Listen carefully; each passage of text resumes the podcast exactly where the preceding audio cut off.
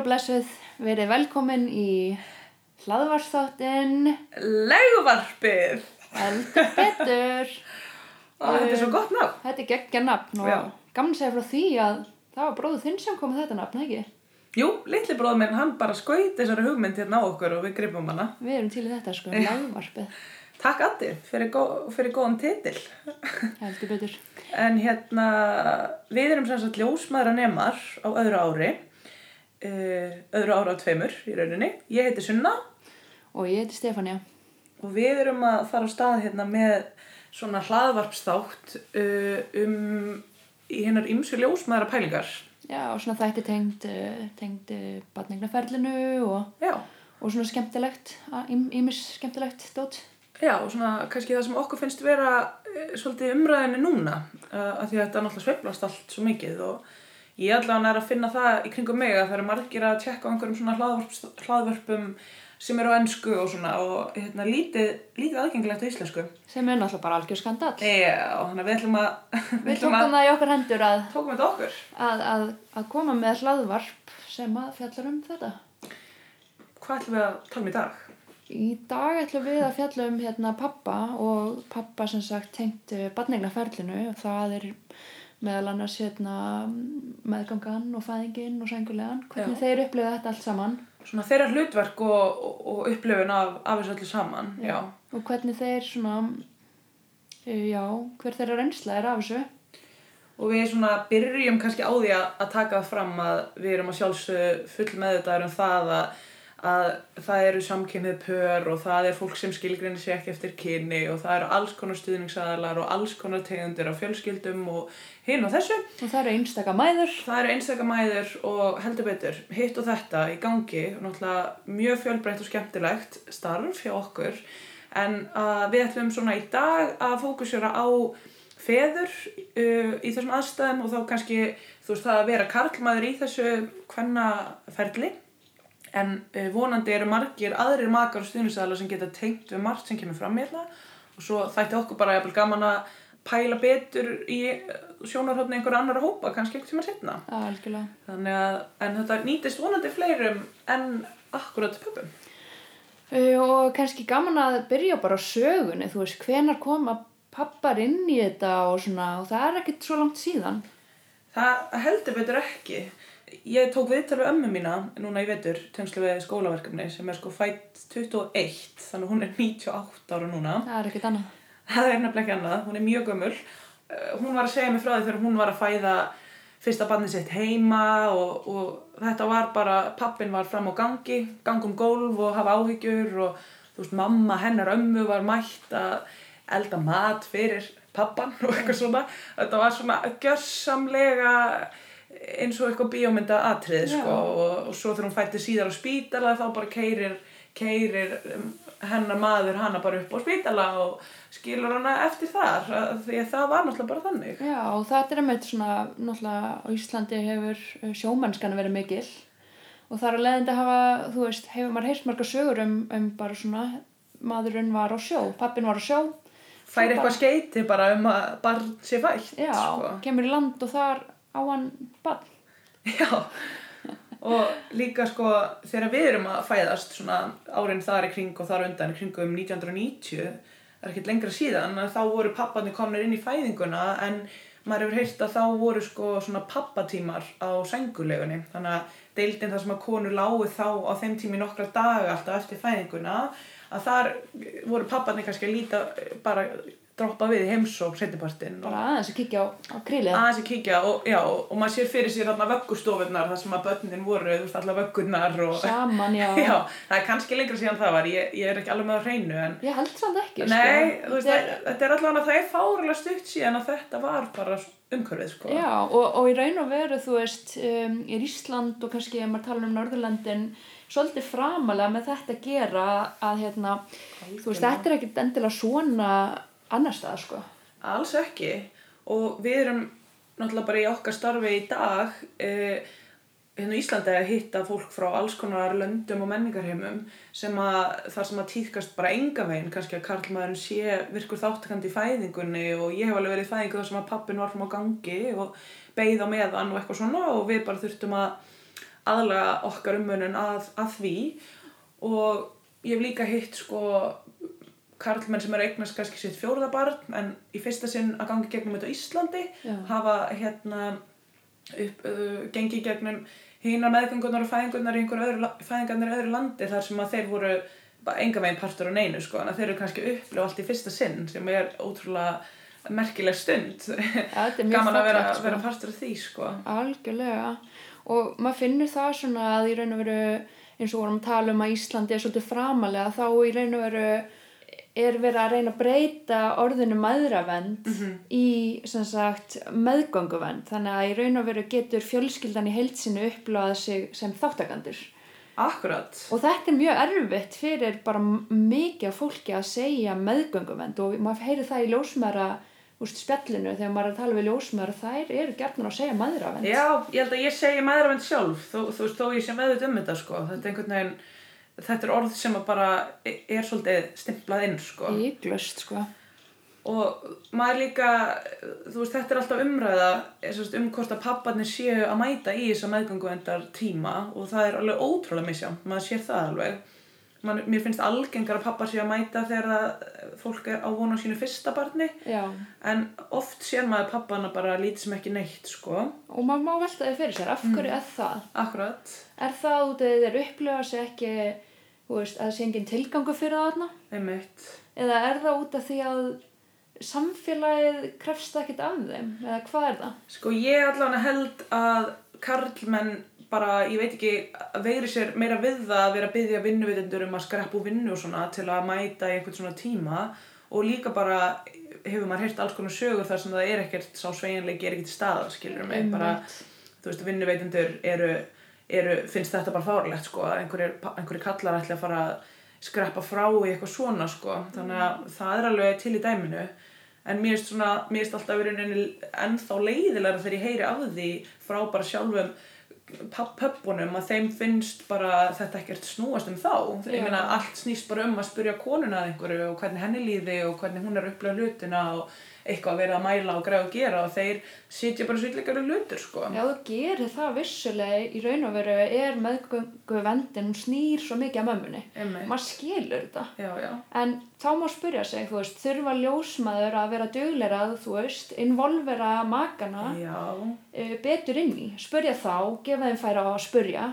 sko mér finnst það allavega og til dæmis hérna í upphafi meðgönguvendarinnar þegar við erum að sko yfir hérna konuna svolítið um hennar hérna heilsufar og líðan og svona. Þá er verið að spyrja til dæmis um hérna hvort hún reiki og hver, hvort hún noti einhver fíknefni eða áfengi og eitthvað svona. Tóbak. og þú veist ég veit að það er bæði verið að fiska eftir því að þessi efni geta haft fósturskemmandi áhrif en við erum líka að hugsa þú veist hvernig í hvernig umhverja barnið að fara að fæðast og allt þetta og kannski að bjóða fólki henni stuðning ef hún gæti hugsa sér að fá stuðning við að hætta að reykja eða ef hún þyrfti að hérna, fá stuðning við að hætta að drekka eða eitthvað.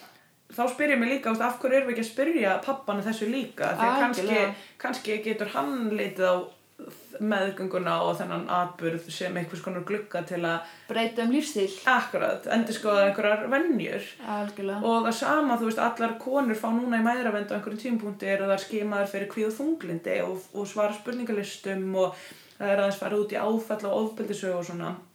Og ég hef alveg veltið fyrir mér sko hvort að þetta væri ekki líka ágætist tækifæri til að hérna, spyrja pappana aðeins út í þeirra líðan og eitthvað svona. Og kannski væri hægt að veiða þá sem eru búin að vera einhverjum vandræðum Mhm. og bjóða þeim, koma þeim einhvern farveg bjóða þeim hjálp eða Já, allt þetta hefur nefnilega áhrif á í raun og veru bara fjölskyldulífi heilsinni 100% og, og líka þú veist eh, á raun og veru má segja að þetta hafi áhrif á meðgönguna hjá konunni þú veist. daginn. að, að það að þú eigi maka sem er eh, mögulega með þunglindi og kvíða hafi gífulega áhrif á þína líðan sem kona á meðgöngu sko.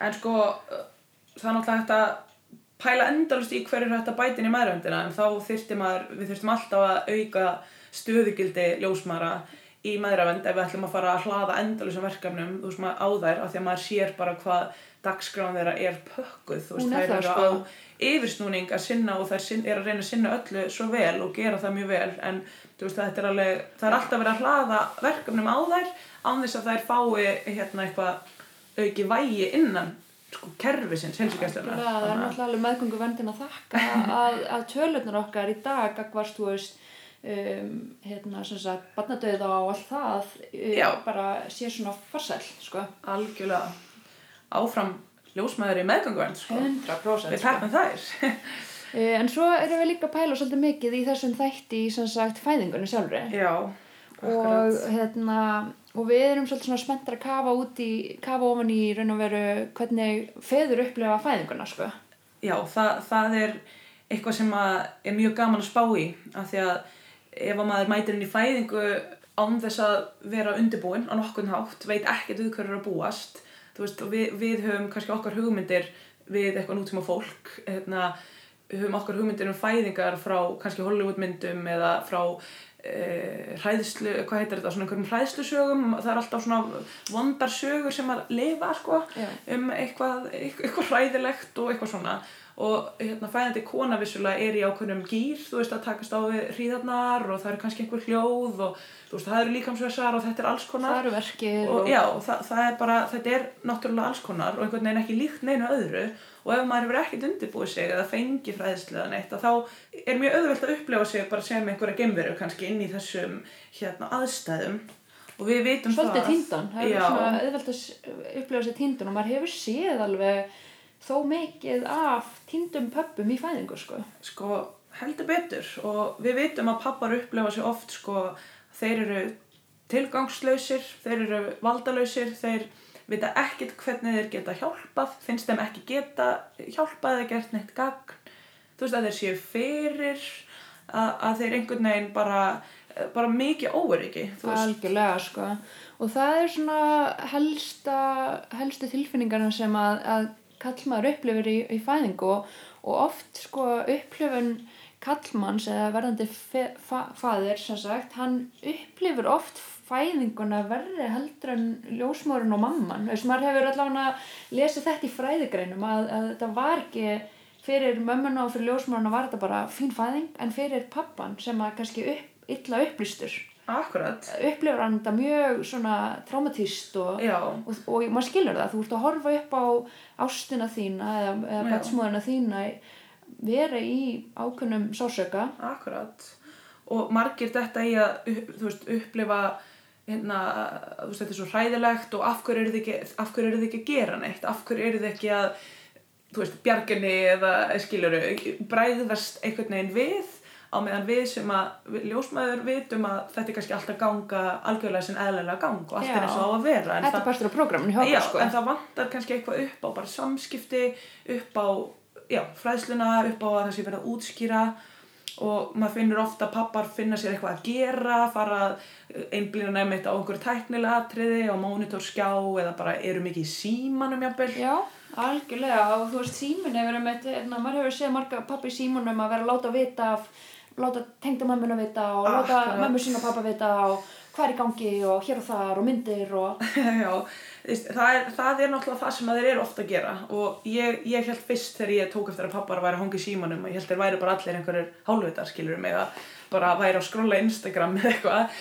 Og hérna, en, en þá náttúrulega komst ég svo setna því að þeir væri nú flestir að sinna þessu hluturki þó ég hafa alveg orðið vitni af því þegar ljósmóður baði einhvern pappa vinsalast um að hætta að horfa á einhvern liðupúleik í símanum og vera með í fæðingunni hjá sinni einn barni skiluru það er náttúrulega kemur alltaf fyrir en ég held að já, að þetta er náttúrulega oft bara já, þú, þú ert svona fastur í þeirri lúpu að vera alltaf að, að gefa eitthvað eitthvað update á því hvað staðan er. Algjörlega. Og ef við ræðum síðan aftur um trámað já, þú veist, þá hérna sem sagt um, velti maður fyrir sér, þú veist, hvenar og hvar er best fyrir pappa að ræða tráma sem hann upplifir í fæðingu? Þetta hefur bara mjög Algjörlega. mikla áhrif á í raun og veru næstu fæðingar og, og bara líðan almennt sko. almenna líðan eftir á sko, já, við, við ljósumar erum, of, erum held ég orðnar mjög góðar í því að pæli í fæðingarupplifun konunar sjálfurar og erum bara sáttar ef hún upplifði þetta vel. En ég held að það sé bara mjög gott að bara í sængulegu tímanum og ég held að ljósmaður í heimaþjónustunni hérna á Íslandi komi mjög sterkar inn þarna. Þegar kannski nokkri dagar þú veist, liðnir frá fæðingunni og þetta voru allt svona aðeins fengið að setjast að þá, að þá sé gott að, að beina opna á þetta. opna þetta og líka við pappan þú veist bara að spyrja opið hvernig upplifir þú þetta? Og að því oft eru sko atrið sem sitja í fólki er eitthvað tengt samskiptum er eitthvað sem var miskilið eða mistúlkað Já. sem að er algjörlega eðlilegt að, hérna, að geti farið að svona fólk vera jórtraða með sjálfu sér og úr verður eitthvað, eitthvað, eitthvað stórt einhver sem að, svakalega upplifun. Já, sem að við erum ekki ekki lítið úr en er oft hægt að með smá spjalli og einhverju svona viðrun hægt að vinna úr og, og, og og stundum er þetta bara einfaldar útskýringar. Þú veist, Algjörlega. þannig að bara búið að sitja kannski lengi í algjörlega. Og svo bara er þetta eitthvað sem að hefði geta rætt bara á, á sko núleitni bara Já. og útskýrt fyrir og, og það er anda allir léttar sko. Þannig að við allan að sko vorum bæði á ljósmaður að vera mjög óhættar við að opna á þetta í heimaþjónustu eða hvar sem þær er að sinna fólki og líka að, pappar hérna láti sér heyra beint eftir fæðinguna að það er eitthvað að liði frá henni eða ef að það er eitthvað að trubla þá annarkort að deila þeim með bara magasínum eða ljósmóður eða hverjum sem að er. Af því, af því að það, það er mjög vond að eitthvað svona sitja í manni af því að svo fyrir kannski mögulegar framtíðafæðingar já, að þá getur þetta haft áhrif að maður fari hrættur við þetta allt saman inn í ferlið og það í sjálf sér getur undið upp á sig. Mhm.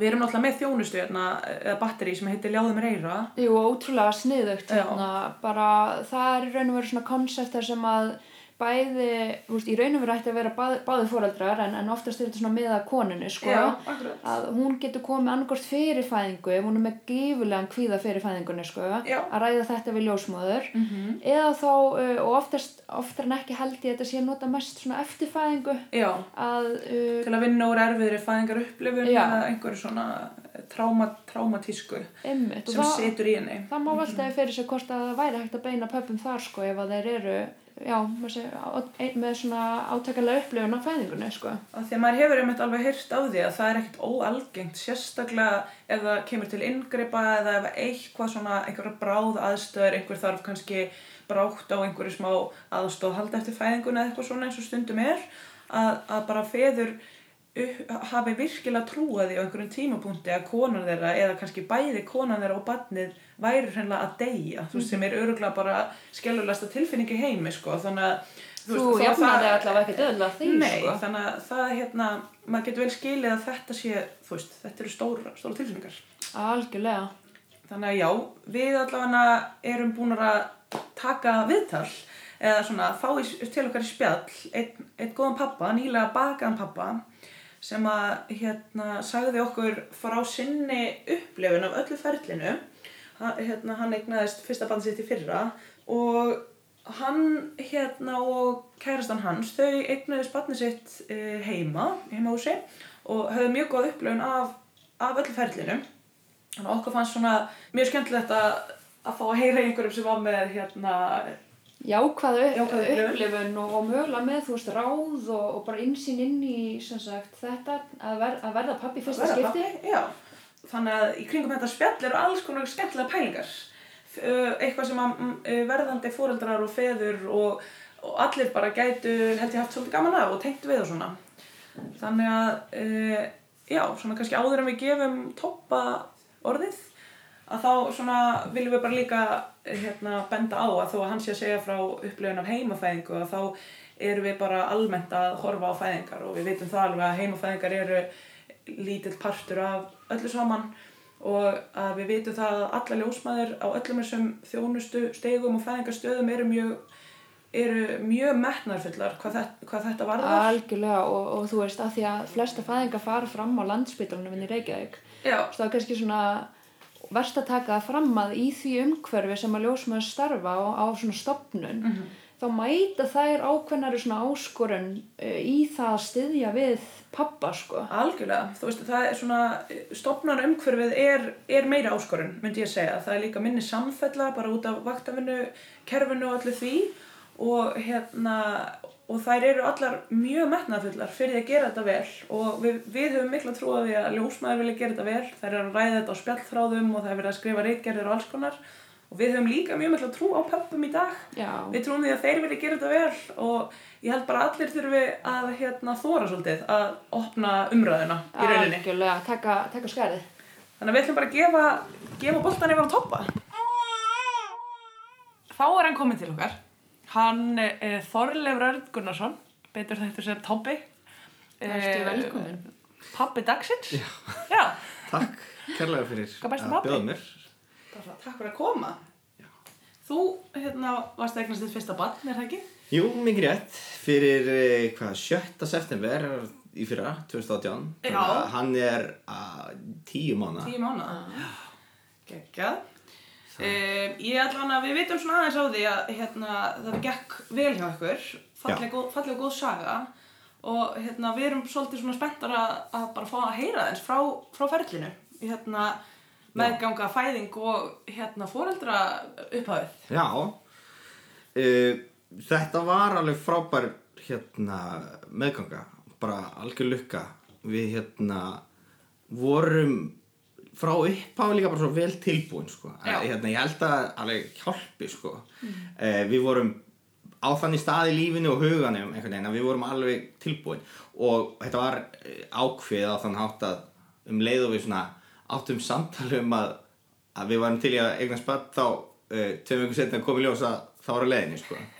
það var mjög fyndið uh, við hérna vorum sagt, mjög vel undirbúin á þann hátt að, að við erum bæði frekar vel upplýst um meðgöngu og batnegnir kona mín er mentuð dúla og klínisku sálfræðingur sem að hefur meðalans rannsakað líðan hvenna á meðgöngu. Og svona fyrir ykkur sem ekki vita þá er dúla í raun og veru einstaklingur sem hefur svona sérhæft sig í að vera stuðningur við konur í fæðingu. Já, nákvæmlega. sem er ekki klínískur hann Nei, þetta er bara svona stuðningskonar mitt. Klappari Nei, sem fyrir En alltaf, já, þannig hún er algjör svona fæðingar nörd og, og hérna. Alltaf mjög gaman að hitta tæmi kæristunniðina og, og ræða um fæðinga við hana, sko. Já, hún, það lifnir yfir henni sko. Hérna, Þannig að við áttum alveg, það er alveg svona bækur um fæðingar og hérna allt frá bara pregnancies frá dummies yfir í eitthvað flóknara sko. Og svo hef ég fengið að horfa á sko fæðingar hjá fílum og, og hérna gírafum og hestum og alls konar dýrum sko. Og einhverja náttúr, einhver svona einhver kona að fæða eh, eins náttúrulega en að gesa og hægt er eitthvað við einhvern læk með fjölskylduna úti og eitthvað, þú veist, þannig ég hef alveg pælt líka í sig þannig. Og hún kent mér óslega mikið, bara og ég ótrúlega spenntur fyrir að læra hluti. Og það er síðan hinn hlutin af þessum undirbúningu okkar er að ég er grunnskólakennari og kenni meðal annars líffræði og þar með hérna mannslíkamann. Og hérna og hef bara óslega gaman að læra hluti. Þannig að ég hafði sérstaklega gaman þá að, að, að læra meira um hvað var í gangi á meðan fæðingunni stóð. Nei á meðan meðgöngunni stóð sko. Og bætt þar við náttúrulega þokkarlega góðan grunn sem ég hafði. Ég, ég kenni kynfræðslu meðal hans úlingum og, og hérna var nýbúin að vera að kenna það þannig að ég var með þú veist líffræði uh, kynfræði kvenna alveg þokkarlega vel. Kristaltæru. já svo, Svona ferskur í tíðarunum og... já og hormonum og, og, og hérna Akkurat. og eglós og flera þannig að ég var alveg góður í það. En, en geggja bara þannig að meðgókan koma ekki neitt upp á. Það var reynilega hérna, línu líkast. Við vorum alltaf, ég, ég var sjálf, svolítið að býða eftir eitthvað myndi gerast og hafði meira þess að áhyggjur að það væri ekkert að gerast sko. Já. þú veist, við fórum í, í snemsónar bara til að svona, vera viss eitthvað og fengum þar staðfest að það var veist, einhvern veginn bara á leiðinni. Það er svona aukin staðfesting að fá þessa snemsónar mynd frekar heldur en hérna prófið bara, pissuprófið sko en hérna uh, ég var alveg smá þú veist, beðið með í ofvæðinni eftir að fá að fara í tólveikna skoðan og af allir meðgöngunni voru það þessar þrjár vikur frá því að við fengum pissuprófið að við fórum í, í tólveikna skoðin sem voru lang lengst að líða.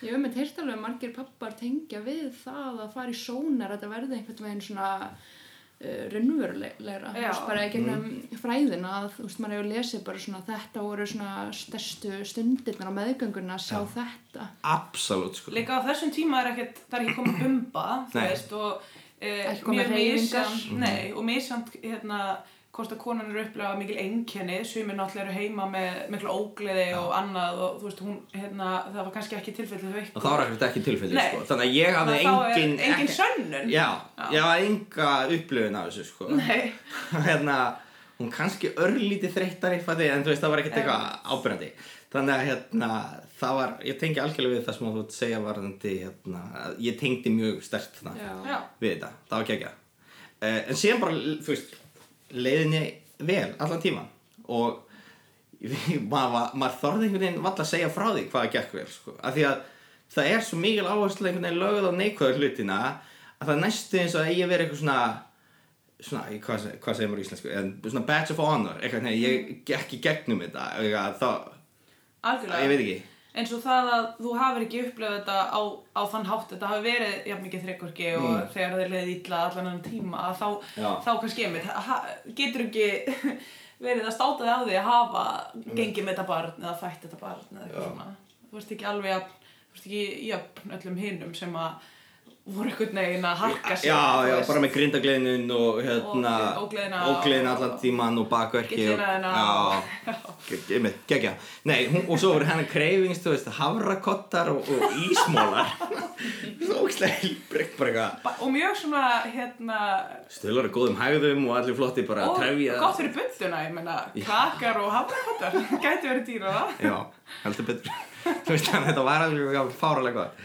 Svo hérna ákveður hún, eh, sérst, hún við áttum von á baddinu uh, 18. september og eh, hún á, var að vinna alveg til sko 1. september eða, eða rúmlega það svo að hérna hún var ný komin í hérna veikindalegi orðin ólétt náttúrulega til að vera þunga fæti en samt ekki, ég meina mjög nett bumba á miðvið sko, margar sem maður sér og hérna, og hafði það bara gott sko, og var eitthvað, bara átti geggjaðan dag, man ég þennan 7. september sko, hún fór í sund var í frí, þú veist, í veikindaleginu sínu og hérna, og fór að hitta ömmu sína sem var á spítala og meðan hún er að tala við ömmu sína þá bara heldur hún þurfa að fara að klósta en stendur upp og í einhverjum svona leðustól og það var bara pollur undir henni það hafði bara mist vatni við að tala við ömmu sína Mér finnst það eitthvað svona, eitthvað tákrænt, eða þú veist, Já. ég veit ekki, að vera, sko, ammin var, ný, var að jafna sig um einhverja aðgerð sem hún fór í Já. og það, hún alveg bara hrestist upp að,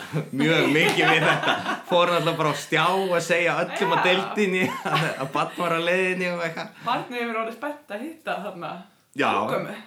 Algjörlega fann að það var eitthvað gott í gangi að já, fæðingin fór á stað sem sagt, þarna, 13. fyrir tíma og eh, Samt alveg, hérna, fullt með gengið barn. algjörlega.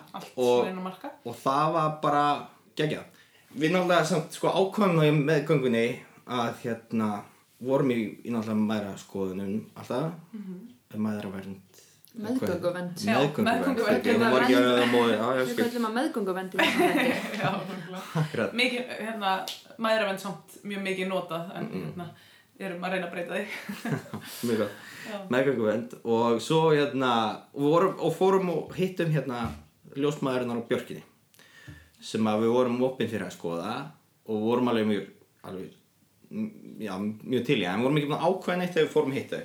Og hérna, en urðum alveg gríðarlega e, hrifin af því hvernig þær Í björkinni, í Björkinni töluðu til okkar um framhaldið og ég held að ég hafi komið út og spurði bara, "Hva- erum við ekki örgulega með pláss hjá þeim eða eitthvað svoleiðis, þú veist, af því að við vorum alveg strax, fundum alveg fyrir mjög sterkri tengingu við þær konur Björkin er sem sagt hérna ljósmaðra svona styrð um, uh, Svona fæðingarheimili er Já, þær, þær eru sem sagt hópur af ljósmaðrum sem eru með fæðingarheimili og eru að veita líka í þjónustu í heima, heimafæðingar Já, akkurat. á samt Einmitt. og taka svona meðgönguvend uh, Hvað? Já, þær taka við meðgönguvendinni frá 30 og fjörðu. annari eða eitthvað. Já, eitthvað. Já, og sko eru með í rauninni sitt fæðingarheimili hérna upp í Ármúla, Já. er það ekki?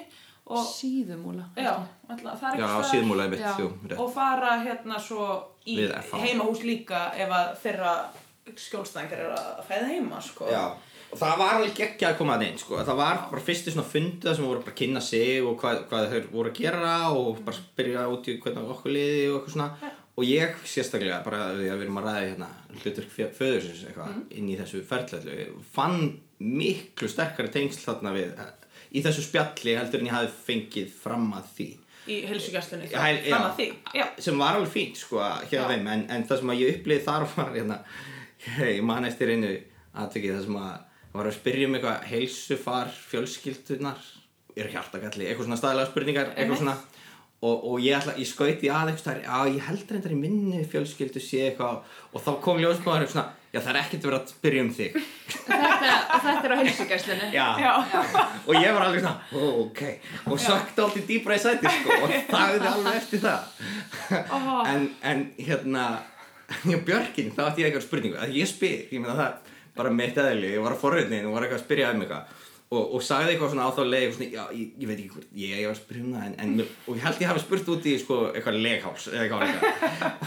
og var meira bara svona fræðilega að- að pæla eða eitthvað forröðnast ekki endilega að spyrja um ástand móðurinnar Þú varst bara undirbúið næsta kynfræslu tíma í vinnunni. svo ég spyraði einhverju og afsakaði það einhvern veginn smá út af fyrirreynslu sko, brendur af einhverju spurningu held ég ég man það var alveg hugsun af, af, af, því, af þessari afsökum minni.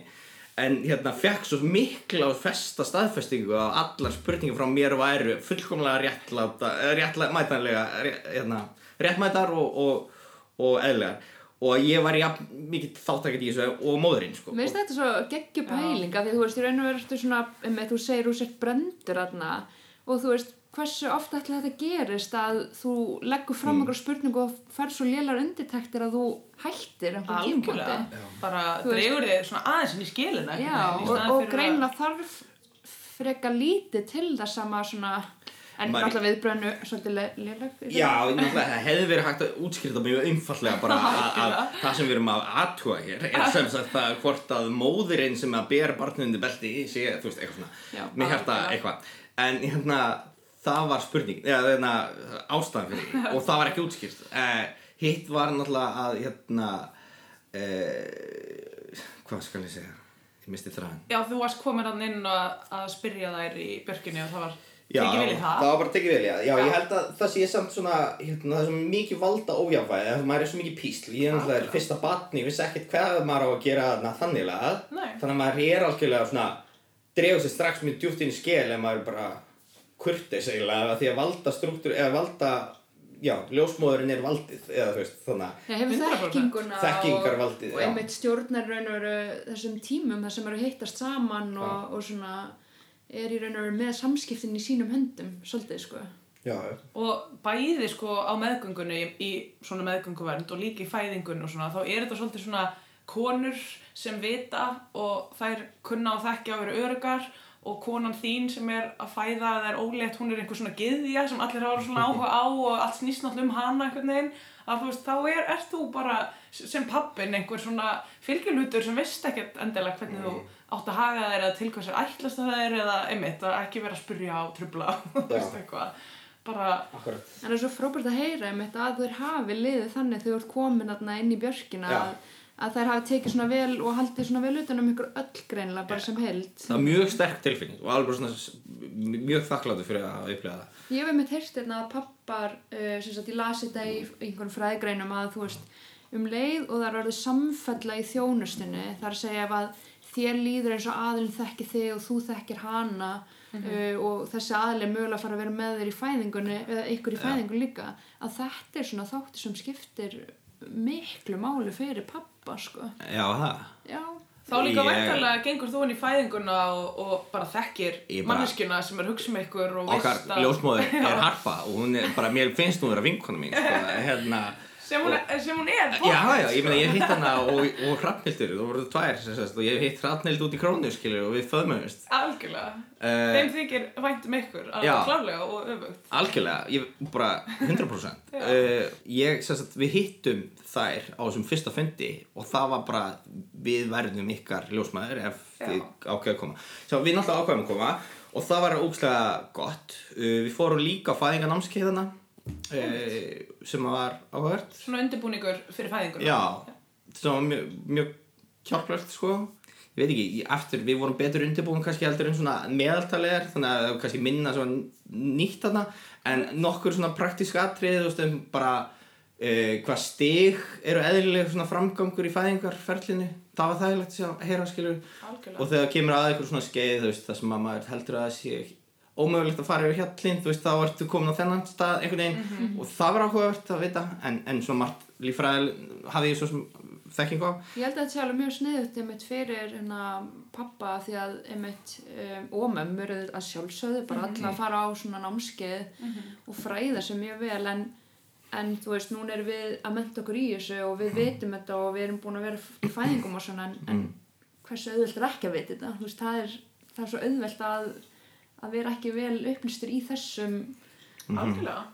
Og Já, mér er líka svona eins og með, eins og þú ert að segja með stíin og svona, að það er ofta sem fólk talar um að það taki eiginlega mest út úr eins og svona einhverju fræðslu, er bara að, fá svona raunhafar væntingar varðandi tímafaktorin í Já. þessu svona, að, Já. hérna, að, að því að konan er kannski í, í stríðinu, þú veist, hún er að Já. upplifa verki og, og annað, Já. að þú veist, að hennar, að hennar maki sé, geti þá verið svo mikill stuðningu fyrir hann eins og þeir eru heima í þessu forstíi sem getur oft verið svona magla í svolítinn tíma og Já. að, að þá hennar stuðningsæðli sé að veita einhverja svona festu og öryggi og er að minna á mannstöð, þú veist, þetta er alveg eðlilegt og, og bla bla bla, þú veist, að, Já. að frekar en að hann sé líka óbúslega óöryggur af því hann veit ekkert og held, þú veist, eitthvað svona að, að þetta, hljóta, þetta hlýtur að vera svo rosalega stuðningur fyrir fæðandi konuna og veitir makanum svo mikið öryggi sjálfum að Já. hann næra njóta og upplifa Akkurat. þetta allt sem hann. Þe- Þetta er hérna, bara eftir að hugsa, veit ég ekki alveg hvernig, þú veist, hvernig það væri að upplifa fæðingu þess að fyrir með þetta um einhvern veginn að þetta sé í ákveðum þrepum, sko. Einmitt, Ég bara hafði ekki leitt hugan að því, mér finnst það svo, það var svo, já, mjög gott að vita að því.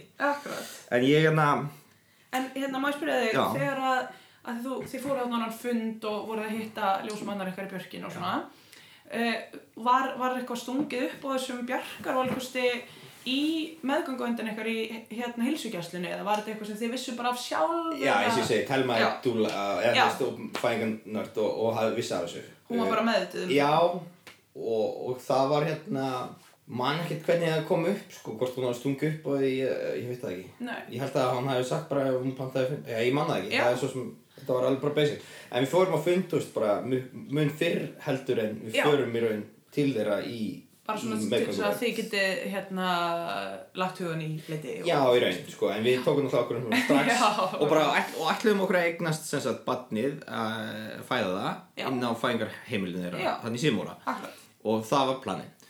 Uh, við hérna uh, áttum eins og ég segi þarna ótrúlega góða meðgöngu og það er náttúrulega líkilega tri að við vorum líka meðvitað um það að, að við, við myndum ekki eiga barnið þarna í fæðingarheimilinu nema meðgangan væri Akkúrat. fullkomlega eðlileg.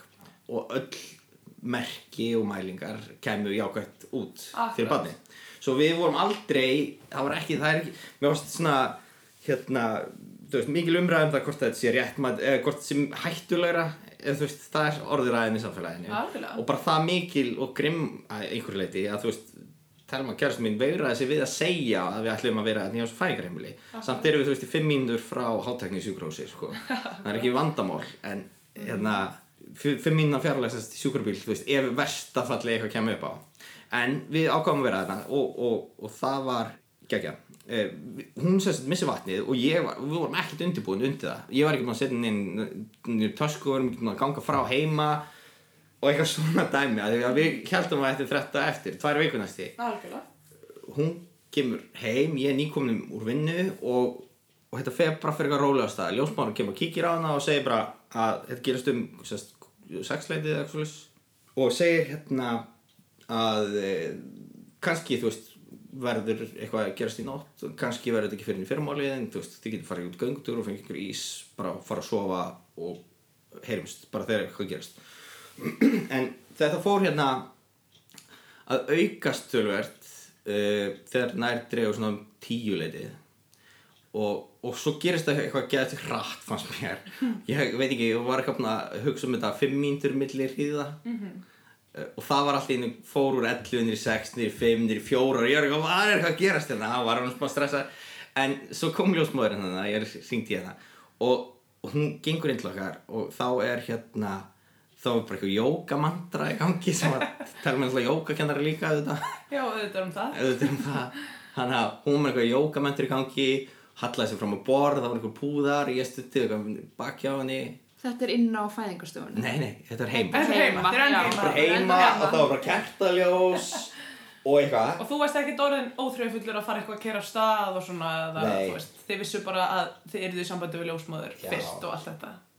það var, einmitt, ég veit ekki okkur ég var ekkert stressaður við því Nei, aðalega því að Telma var svo róleg sko. já, akkurat. hún einna er, eins og ég segi, jókakennari og dúla og eitthvað og var búin að hugsa um þetta örgla, náttúrulega, mjög lengi svo hún var strax og hún kom inn fyrir, bara þröskuldum fimmleiti, byrja að, að skilera öndunna sína, sko, eitthvað svona ró, ró, rólegu öndun til að, að hérna að setja, þú veist, eitthvað sársökan, þú veist, með fráöndun eða eitthvað svona sem hún sagði og hafði orðað á eitthvað. En það er mjög minnistætt, sko, að þegar ljósmáðin, þegar Harpa kemur sérst heim til okkar og uh, hún hérna gengur inn til okkar og, og við erum bara í einhverju okkar tótið þegar ég hleypin inn og hún bara svona, segir ekkert við okkur bara sest og leifur okkur að halda þess áfram.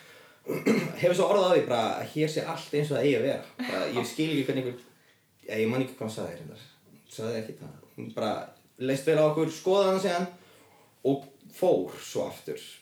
Þetta er um tíuleitið uh, Hún staðfyrsti það bara að, hérna, allt væri, Þetta var bara Að ganga sinn eðlilega Já, gang. Hún lífum eins og þessi að missa einhvern veginn þráðingina rennur kannski aðeins saman. Já, þetta fór að eitthvað að renna saman Já, En allavega, hún sérst bara mat allt frábært. Og svo hérna kemur hún skömmu aftur eftir stund stund og þá hérna var eh, farið að aukast aðeins svona krafturinn í, Í hríðunum? og e, það var, það kom í ljós að það var önnur kona að, að í fæðingu á fæðingarheimilinu þannig að það var ekki í að það Já, einmitt. en ég laumaði einhvern veginn til telmu, kæristum minnar að, að það sé samt möguleiki sko að við að það sé einhver þar en, en, en það kannski við erum búin að eiga eða eitthvað. Já, og gerði það ekki að neina stressi sko. Nei, fekk það allavega inn í henni að þetta var í val hennar hvað, hvort hún myndi fara eða ekki. Og við fengum líka að var, það, það er vist einhverjur einhver, einhver fæðingar sem hafa átt sér stað ekki inn á fæðingarheimilinu sem er svona rúm og kósið heldur líka frammi Já, Einmitt. sem er hliðin svona- á, já. hliðin á það er svona fundar eða svona salurs sem er Já. náskeiðinhaldinn og, og Akkurat. fleira uh, en við ákvaðum að vera bara heima og þá kemur sundlaug fljótlega inn og, og bara plásin upp stofugólfinu sem að harpa ljósmaðurinn eitthvað reddaði bara. Já, þær eru alltaf með bara í skottinu Já, auðvitað. En kom einhvern tímann einhver svona panik eftir, í ykkur að, að þið væri að fara að fæða heim allt í hennu gefið það að fæðingarstofn hafi verið upptekinn? Já, það gerist ekki Nei, Það var bara, vá. þetta var, sko, hérna, Harpa sagði þess að setna, ég man ekki hvort það var morgun eftir um kvöldi eitthvað, ég skil ekki hvernig einhver dætt í hug að gera þetta einhvers þar annars staðar. Akkurat. Þetta var akkurat eins og átt að vera, sko. Og segir okkur samt kannski að bara þegar að... Þeir gera þetta allt svo frábærlega, heldur hún hafi sagt þegar hún kom inn líka. Og þá leiði mér mjög vel. Þar með var því bara lokið, sko, að öllu stressið á mér. Ég vissi ekki alveg hvað ég var að gera. Æ, þú veist, ég veit ekki, þetta var svona, Nei. en mér leiði vel og hún staðfesti það. Að ég við værum, og það sem ég var að gera var bara að stiga sem mjóbaki og vera með henni, Akkurat. þú veist, og veit ekki niður öryggi líklega. Og, en fekk einhvern veginn, eh, þú veist, svona púki á öxlinni kvíslar, náttúrulega amman, ertu að gera rétt, ertu að gera rétt, eitthvað. Já, svo er Um, ljósmaðurinn að hinni að, að staðfesta að þú Já. sért ekki rétt. Já. Er mjög mikilvægt, þú sko. veist, en já, mér finnst þetta einhvern veginn, segja manni bara svolítið það að, að þegar að maður er með par sem er bara á þetta góðum stað, þú veist, einhvern veginn búið undirbúið sig og er Veginn. andlega vel, þú veist, undirbúið og statt til að Bara- fara í þetta. trúa á sig einhvern veginn og trúa á þetta að þá í rauninni skiptir ekki máli hvar þú ert og, og þar leðandi bara mjög, mjög gott að vera heima, bara það sem að mann er íði vel og er örgur Já, að hérna, það er að hitt, Sýnir góða umhverfi. hérna, sem að mér fannst vera svo gott við hérna uh, orðræðina sem að Björkin hafði, á þess að, þú veist ég sé að tala eitt upp á annan í- ég er alls ekki að tala neitt niður, ég er bara mín upplöfinsast var Björkin. Hún var frábær, eitt af því sem mér fannst vera að gegja við það er sko, að mín líffræði þekking segir mér að mannslíkumann er gegja fyrirbæri. Og það er svo ótrúlega hvernig hann bara fungerar bara allt frá sko frumuskiptingu og hvernig hann hérna, þú veist, afskrifar frumur sem eru gallaðar oftast og upp í það bara að halda, þú veist, ég veit ekki, hittast ekki og allt hitt á milli, fætti þannig að, að, að tala um sko meðgöngu sem eðlilegan líffræðilegan hlut og, og eitthvað sem að mannslíkaminn sé tilbúin og í stakk búin að takast á við fannst mér mjög jákvætt.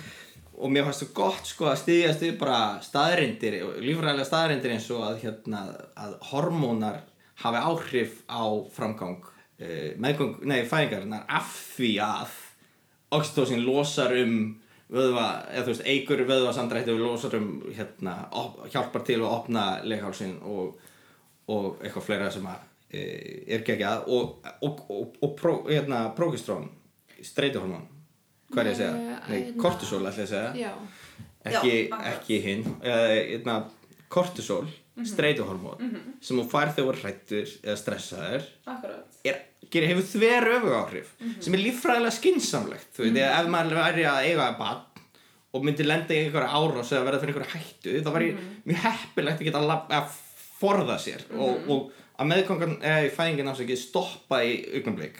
Mjög eðlilegt. Fight or flight or freeze eins og einhver sagði að annarkvort hún stoppi eða þú klárar að fæða barnið á 0-1 sem er ekki Já. það sem maður vill til þú getur tekið upp barnið og hlaupið eitthvað með það Þú veist, við erum náttúrulega bara komin í hellin þegar við Já. tölum svona sko en algjörlega. það en það, mér finnst það svona svo geggjum pæling sko, að, að vera að tala um þetta þannig út frá, út frá þessari þekking bara eitthvað svona, þetta er frekar Algjörlega. basic fyrst mér að, að hipplifin og líðan konunar og öryggistilfinning sé líkilatri í öllu ferlinu sko. og að, að orðræðan þú veist, að aðdraðanda fæðingarnar og bara samtölu vinkonir þess vegna sé þú veist ekki að tala niður og, og illa og vekja ótta og streitu og, og hérna kvíða eh, sem veldur síðan því að fólk sé stressað.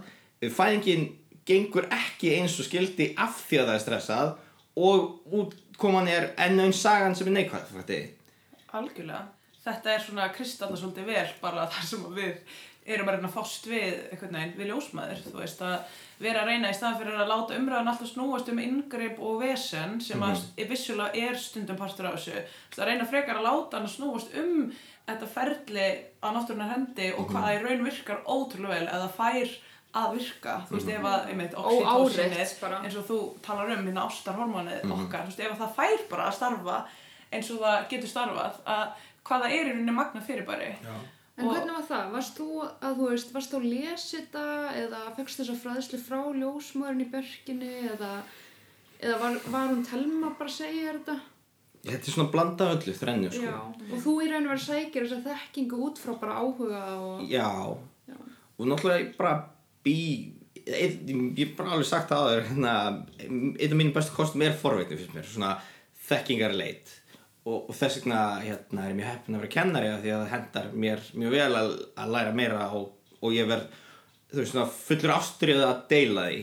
Þannig að ég hérna hef gaman að þessu. Uh, þannig að þetta var allt bara einhvern veginn spila allt saman veist, þannig að ég var bara að pæla í þessu á meðan meðgöng stóð og svo náttúrulega að, vorum við með svona nokkur upp í gangi þú veist, að fylgjast með framganginni það var kannski mín helsta nálgun við barnið þú veist, að, að ég lásum einu sinni í viku þú veist, um næstu viku eitthvað, nú er hún kjúklingaböðin eða eitthvað. Nú er hún að verða hérna grasker og maður er eitthvað, wow. Uh, nei, graskisfræ var á einhverjum tímpóti það var eitthvað þú veist, það var svona bandarist app, heitið Bump. Það hendaði mér, algjörlega. Það var hérna það var svona skemmtilega skrifaða texti. Það var ekki of fræðilegur og ekki of væminn þetta er smá svona grín undirblæður eitthvað, eða undir tóttsessu það hendaði mér mjög vel að lesa þar sem að maður veit hvað hérna er að gerast hjá fósturinu á Já. hverjum tíma og eitthvað svona Já. einmitt. um, þannig ég, já, ég hugsa að þetta hafi verið svona blandað öllu þrennu þá náttúrulega ekki mjög fræðilega kannski farið í, í þessu appi yfir þessar hluti en meira bara svona hvað líffræðilegu breytingar eru eigast í stað á fósturumhverfisinni eitthvað sem að getur hjálpað til við tengslamyndun reikna ég með Já, Að 100%. þú gerir einhverja grein fyrir bara hvað barnið er stórt og hvað er að gerast þann inni og svona það var mín tenging sko. það var reyndar mjög góð tenging sem ég fekk hérna um sumarið það var í svona júli þannig að þrítustandar eitthvað eitthvað. Að þá var hún í sundi og hún var fyrir fram á mig og hérna ég gæti ítt öðru megin í, á, á kollin á barninu inn í kúlunni og fengi rassinn hinum megin í hendina. Svona ítti á milli. Allt í henni fann ég fyrir því allt öðru það þú varst bara með barnið í, í í fanginu fanginu, einhvern það var gæðið sko. Já. En fæðingin, já, hún, hérna, það var hérna svo, svona átök til tvö, en samt bara eitthvað sem hún náði að takast ógeðslega vel á við Var hún þá í lauginni eða? Nei, hún var, við vorum á jókabolta aðeins, þú veist, hallaði sig fram á jókabolta og, og, og mi- r- mikið ruggi, sko. En séðan færðum við okkur inn í, inn í rúm, það sem að hjálta þess að fram.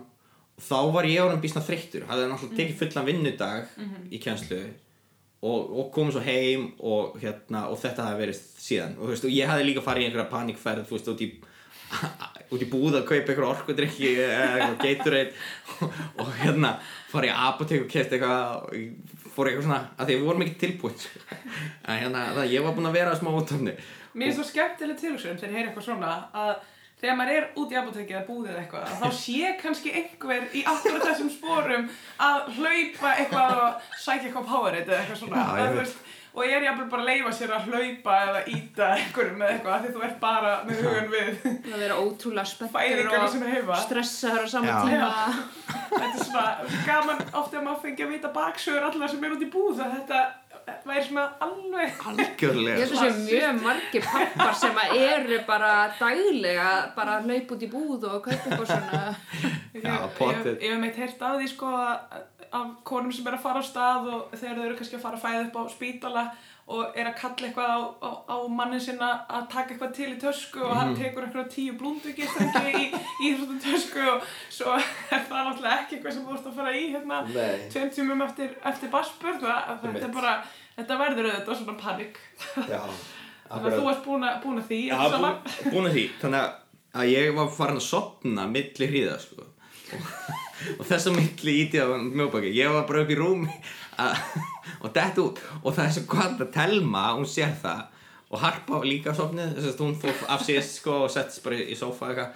Og hérna Telma, það er ótrúlega við allt finnst mér af þessu. Hún var sem sagt, hún sá ég að hefði sopnað eða var að sopna eitthvað. Hún ákvað bara að leifa mér að taka þá pásu og hér þá blundir sem þú þurftir á að já, halda það var náttúrulega nöðsynlegt sko. Já, ég já. ekki verið jafn góður eftir ég vaknaði nema fyrir tilstilli þessara kvildar hún var tvo tíma ein eitthvað að- rölda inni heima sko, uh, með hérna takast á við hríðarnar já, já. með, okkur tvö svofandi sem er samt svo, þú veist, það er samt algjört öryggi að, að bara þið séu þarna hjá henni Já. og hún hefði alltaf, alltaf vakið ykkur ef hún hefði fyrst okkur að halda þannig að hún bara þetta hefur verið flott ákvörðin gerði þetta nákvæmlega eins og hún, hún reyði náttúrulega ferðinni sko. Auðvitað. þannig að hún- henni fannst þetta greinlega bara vera þetta var, já, ég mitt Já, bara frábært að heyra hvað hún er örygg já, hún hefur verið öryggi sjálfur sér. Mhm. þannig að en klukkan fjögur þá var ræs aftur og þá, þú veist, tók þetta við aðeins svona kröftur þá var sett vatn í laugina. Og, og hún fór í laugina og var þar í dálun tíma. Uh, og þá fyrir að koma í ljós sko að framgangurinn er ekki alveg eins og það nátt að vera sko. Ekki að praður eins og þeir hefði vilja sko. Hún er farin að rempast of mikið miður við lítinn framgang. Og hérna þá er líklegast sem hefur gerst til að batni hefði komið smá snúi niður í grindina því að hann var búið að skorða sig sko en hún missi vatnið náttúrulega áður en hún fær fyrir á stað. Og hérna það þýðir að, að batni fór mögulega aðeins snúið ofan í sko. þannig að það kemur líka ljós að hann horfir upp sko í staðan fyrir að fara með kvir, kvir, eða hvað heitir það, Já, það er þá kallað framhugstaða þegar að barnið er að horfa horfa einmitt fram en ekki með hnakka Já. fram í rauninni já. gaman segja frá því á dönsku er þetta stjernekíkir mm. -hmm. stjörnekíkir eða sunny side up heyrði ég líka einhverstaðar það er til alls konar alls konar nöfn á þetta. Og það er náttúrulega barnið mitt er að fara þarna hérna ímsu snúninga og sveir og beigur á ferðalæginu sínu þannig að það vissi ég ekki, það er lærið það í fæðingarnámskeiðinu þau eru alveg fárlega klár að Já. hérna, vita hver, hvernig þau eiga að að snúast. Klikkadæmi. Já, já, fara algjör svona, þetta er svona eins og hérna, dýningamestar Já, algjörlega. svöld skrúa og eitt hælistak heldur betur sko. Hérna, það er sem að, og aftur, mér finnst geggja að vita bara hvernig hlutin virka. Ef það er jafnt átak, eða þú veist jafnt þristingur á leghálsin, þá Já. opnast það jafn mikið í allar áttir, en þarna var skakt átak, þannig að það var svona haft eftir á leghálsinu sem held aftur að barninu. Mér algjörlega finnst það cool að, þú veist, bara samikið hlutina aftur þekking, bara læt mann líða betur með hvernig heimurinn virka þá, þá er maður kannski tilbúin að taka, taka á móti þessum upplýsingum og, og halda rósinni samt smáður sko. Og líka bara að það sé, þú veist, ég veit ekki ég og Harpa vorum orðnir líka bara svona félagar, þannig að ég er að tala við ykkur eða mér finnst það gaman að tala um þetta Já. þannig að mér finnst gaman að spyrja um þetta í öllum tímum og við, við telum að tala um þetta eitthvað svona. Eh, þannig að, kannski vorum við Harpa líka búin að skapa þetta samband sem að þú varst að tala um áðan sem var bara svo mikilvægt að við vorum alltaf að hitta sömu konurnar og þær voru svo þetta með okkur. Já, og ég átti líka vona á henni daginn eftir þegar það var heimavitjum skilju af því að þær sinna því líka þeir voru með sömu konu alltaf. Akkurat. Þetta er náttúrulega geggjað konsept sko. geggjað koncept þetta er í alvöru bara ég mun ekki gera þetta öðruvísi eða við. Og maður hefur náttúrulega verið sko við, við þegar við höfum verið í verknámi á, hérna, í spítalafæðingum að þá kannski á einhverjum svona augnablík eins og þú ert að lýsa að það er hérna eitthvað stöðumat og það er framhauðstöða og eitthvað svona Já. pínlítið verið að, að svona fabular um hlutina og, og, og kannski komið rosalega gott hraust og gott samband og góð dýnamík að þá er kannski vaktaskipti Einmitt. eða bara á hvaða tímpunkt sem er Já. það getur verið mjög erfitt fyrir fóreldrana en ekkert síður fyrir ljósmöðunar Já. sem er fyrst að kveðja og hefði svo gert að vilja Já. klára dæmið veist, með fjölskyldinu og svona það þú ímyndaðir er að þarna hefði harpa farið og bara einhver komið inn. Að þú veist, hvað það hefði kannski geta breytt andrusloftinu pínlítið þú veist, bara- að svo einst, sá einstaklingur hafi eflust líka hefði eflust verið frábær sko. Að það var samt, já, eflaust sko. Veist, en, en ég, þú breytist. fólk er bara maður er ekki vinur allra þó maður sé vinalegur af því að maður passar mismundi við fólk þú veist, það er bara Já, kemistrið auðvitað. sem myndast. Það er enginn að segja manna að maður sé vinur við allra við séum þú veist, án okkur erfiðleika frá að vera nei, nei. af því að kemistrið virka bara þannig. Og hún Þó- tekur líka tíma. Þú veist, það er Já, og það er eðlilega, þú 100% veist, það er algjörlega máli, algjörlega. Já. en þú veist, það er hérna þetta var bara algjör algjör snilt sko. Að við bara vorum komið gott samband sko. svo að við hérna hún, hún ta- tjá sínd okkur þá virðingu líka að, að skýra þetta út fyrir allavega mér. Já, Já, nákvæmlega. hún var þreytt og kvíldi sér bara milli átaka en við gáttum verið að spjalla sko. og var smá skrítið þetta var orðið svona rútína eitthvað og hún byrjaði að rempast og ég eitthvað styðja svona sitt hver með við mjöðmyndnar og hún liggjandi á með magan um, í lauginni og svo sest ég aftur í, í sófa með kaffibotla Já. og spjalla við ljósmaðurina en hérna það var svo heimilslegt sem að leið, leiði síðan að heimafæðingin það var svo geggja að fylgjast með sólaruppbrás einhvern veginn í stofunni heima heima. og hella bara upp á kaffi skiljum við Já. og ef það vant að hanglaðu fleiri og bara næja hanglaðu og, og, og allt þetta. Að hérna þú veist ég hef heyrt frá föðrum sem öðrum að, að þú veist þeir séu svona hálf verkefna lausir sko. En heimafæðingin búið mig til þetta e, þetta, þetta hlutverk sem að maður gengur fullkomlega náttúrulega inn í. Eða þú veist Já, þú ert ég- á- þessu vinnusvæði já, Þetta er þitt umhverfið, þú veist hvað allt er. Já. þannig að ég var bara hjálplegur eða þú veist, mér fannst það mjög, mjög mikilvæg fyrir utan það að ég var alveg að sinna stöðningi og örygskend og eitthvað en þú veist, ég var alveg svona Já. með auga fyrir hínu líka þú veist, ég reyndi að brausnið og eitthvað svona. Uh, já, þannig að það var svona tæki sem hún var með svona greip svona í lóan eitthvað svona trékepli sem var svona gattar í. Notaði það mikið. Vá, dreifa hérna sásuganum aðeins að uppláða hann annars ég prófaði að grípa í þetta, það var mjög vond sko. Hún held svo fast í þetta, Einmitt. það líka það var eiginlega magna Það er, já, þetta er mjög merkilegt. Fyrirbæri. Eh, Stundum eru konur með marbletti hérna, á milli augnana þegar það eru búin að vera sko að þrýsta þunnlunum þar einhvern veginn og alls konar, alls konar merkilegt. var, það var ákveð að prófa þess að, að mm, nota svona ribósa hérna, sjál sem að er þá vafið á henni og hún stendur og hallar sér fram og, og svo er hún hrist til til að reyna að snúa barninu. Ótrúlega mögnu tækni. já, klikka dæmi og það hjálpaði.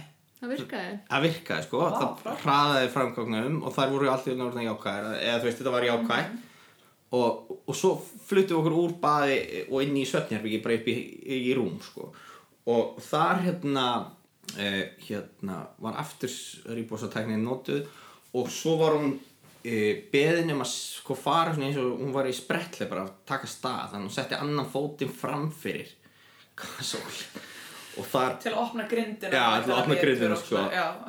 Og, og, og, og, með vinstri fótinn frekar en hægri þú veist, upp á einmitt. og þær voru þannig að tvær er náttúrulega búin að vera frá því klukkan fimm eða eitthvað og það er tvær og klukkan þannig orðin rúmlega níu og hérna og þá gerist allt mjög hratt bara bara þessi hlaupasta var það sem að losaði síðasta haftið sko og þá kemur bara lítill heilbröð drengur í, í ljós þarna 36 minnir yfir 9 7. september 2018 Vá. það var, það var mjög klikka sko bara í, hjónarúmi sko. Og hérna í þessari hlaupastöðu ég Já, Fætt, fætt hún í hlaupastöðinni? fætti í hlaupastöðinni sko Vá. og hérna Það er magna.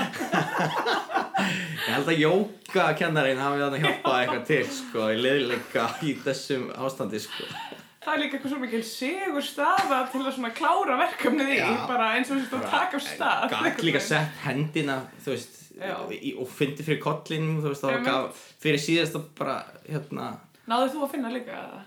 nei, Nei. ég va- var meira eitthvað svona hinni með við, við hérna hausin á hann að veit við það. og þurrka Já. blötu klút eða- ég man ekki hvað ég var að gera en ég sá þetta samt sko, og það var klikkað Er það ekki? Jú, svo þetta var hérna fæginn maður Vá. Ég hef ekki rifið hann upp í lengi sko. Hvernig er rifin upp? Alveg bara skil ekki hvað þetta gekk vel sko. Það er eiginlega það sem ég hugsa sko. Og þú hafði trú á því alla, alla, alla nóttina að þetta væri einhvern veginn að hafast og að það væri gott að vera heima og allt það. Sko ég tvísvar Eitt skiptið á fekk ég tilfinningu að þetta var að taka alveg langa tíma. Ég finnst það, vá. Það, var svona eitthvað sex.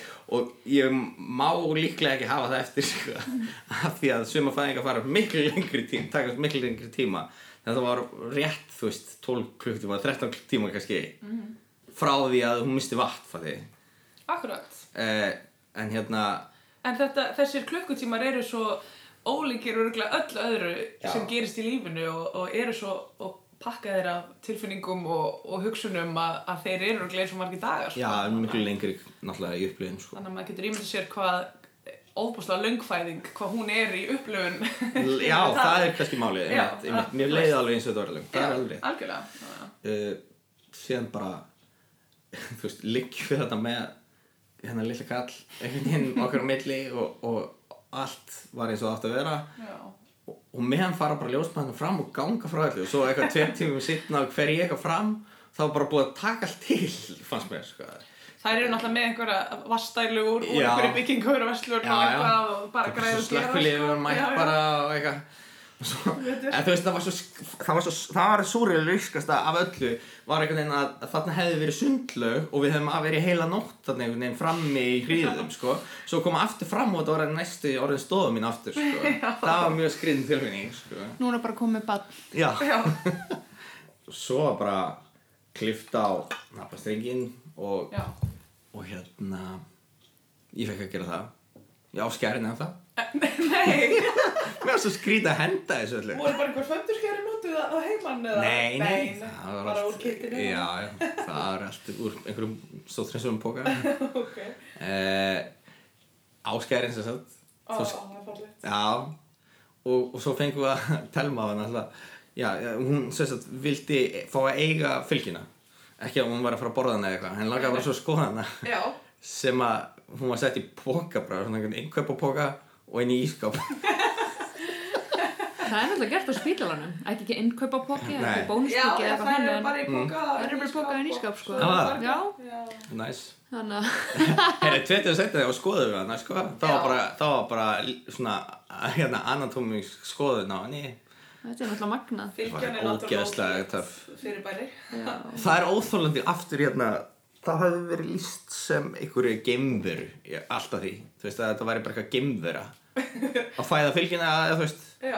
Æ, mér finnst aftur eitthvað svona mýta sem þarf að afbyggja þessi fylgja sig svona ógeðsleg eða þú veist, auðvitað þarf fólk ekki að vera að finnast þetta geggja en þetta er ekki ógeðslegt þegar maður þarf að tala um það öðruvísi finnst mér Algjörlega. 100% sko.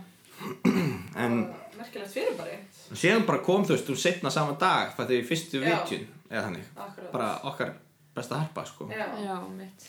og, og fylgdi því eftir næstu tíu dag og það var ótrúlega þægilegt sko. Bara sjá, sjá um allt væri að fara vel á stað og Já. svona öllum liði vel. Já. Já. og, og það aftur hérna þetta líkilættir að þekkja okkur bæði kom sér svo vel sko að því að hún hérna gat ba- í fæðingunum náttúrulega kom sér svo vel að þekkja telmu hvað hún gæti og hvernig hún upplýði hlutina og þetta traust síðan sem skapast á milli þeirra. En síðan þegar hún var í veist, þá gerði hún aðtúasemd við bara hvort ég var að sofa og borða. Því hún þekkti mig. Náður að sofa eitthvað að borða? Þú veist hvernig var það? nei, ekki alveg fyrstu sól, tvo sólringana þá svaf ég lítið sko. Já, og bara svaf laust. Akkurat. og eitthvað, kannski stressið eitthvað og borðaði eitthvað skringilega greinlega eða þú veist, allavega hún- tók eftir að ég var eitthvað fölur og, og með þreytulegu sko. Og sagði mér bara að hugsa líka um mig sko sem var mjög áhugavert. Þetta er einmitt sko í fæðingum, í fæðingum er þetta svolítið algengt að, að hérna feður eru kannski bara á annan sólarring ef ekki lengur, bara búinir að algjörlega vannrækja eigin sko grunnþarfir og eru ekki búinir að sofa og eru kannski ekki búinir að borða og hérna eru óbúslega þreytulegir eða fölir alveg að líða út af einhvern veginn og hérna og bara eins gott að einhver sé að spyrja þá hvernig þeir hafið það. Svo líka þú veist með umhverfið, flesti spítalar, nei, flest- flestar fæðingar fara fram á spítala, þannig að þú veist, það er ekki eins og mikið að pöppum geta farið endilega upp í rúm að aðeins blunda, þú veist, aðstæðna, þú veist, bjóða ekki. ekkert endilega upp á það og, og ef við tölum síðan um mat og þú veist, að næra sig og að fá bara pínu pásu eða bara lappa út og svona, þú veist, það er ekkert gefið að, að pappar viti hvernig þeir eiga, þeir eiga að fara því, sko. Alls ekki og ég, ég hef nú bara upplegað sjálfa á einhverju vekt og svona upp á spítala ef að ég hef mistað matsalunum og ætla að berga mér eitthvað í sjálfsölunum að eins og ég bor ekki kjöt og þú veist, þú ert bara, það er bara ABC-mjólk kannski eina, þú veist, og þegar menn eru komnir á þriðju ABC-mjólk bara á, á sólarinn 2 og 3 þá ertu bara ekki í góðum álum, sko. það, það er alls konar svona þættir að þú veist, að það, að hérna, ef þú kannski ert ekki klár með nesti eða eitthvað, að þá ertu pínulítið svona umur. Já, Líka Stefani, þú varst að hérna, ræða eins við ljósmaðunar upp á meðgöngu og sengulöðdildinni. jú, já, ég er mitt vinn á meðgang og sengulegdeildinni og hérna var einmitt að afhenda einum pappa verkjalið Svona eftir fæðinguna. eftir fæðingu sko. Já. og þá spyr ég þær enna reynsluboltana sem sagt er, er þetta algengt að maður sé að þú að pappunum verkjalið þær voru alveg á því að það sé bara mjög algengt að pappa sé með hausverk uh, sé illa, s- þú veist, uh, ekki búin að sofa neitt. Þú veist þannig að stundum er líka söflif uh, sem sagt. algjörlega. þannig að þetta er klálega svona hópur sem að Stundum einhver svona aðsvif og, og hérna vanlíðan í fæðingunum sjálfum með mitt verið að rætta einhverju djúsi og, og eitthvað svona. Að, hérna, af því að og skiljanlega, bara mikið marathón, miklar tilfinningar og, og ef maður næri ekkert að sinna sjálfum sér og þá, þá brestur svona eitthvað fyrir rest. algjörlega, og ég tala nú ekki um það að hún er ekki slaka í því umhverfi Já, sem þú ert í, þú veist Já. þá, en þið líður alltaf hrættur og spenntur og... Já, og líka ef þú líður alltaf eins og sért fyrir, það er líka svona faktor sem maður hefur Já. séð hjá mörgum pöppum inn í kannski stofum sem eru ekkert svo stórar á spítala, veist, og þá er kannski mætt uh, ljósmóðir og það er ljósmæranemi og svo báði fóreldrarnir, Mhm. er að, veist, það er allir að græja og gera og það er einhvern veginn allt út um allt og það er snúrur og leiðslur Já. og það er mónitor og, og maður þarf að komast hjá, sko, Mhm. ef maður er en heilbristarsmann, ef maður er ljósmóðin eða ljósmæranemin, þá er það alltaf, fyrirgefðu hérna, Það er alltaf þannig sko og eins og þegar maður er svona smá klauf eins og ég að þá er maður alltaf með bara sko annan fótinn hann í baðinu og hinn einhver staðar að detta um einhvern jókabolta og, og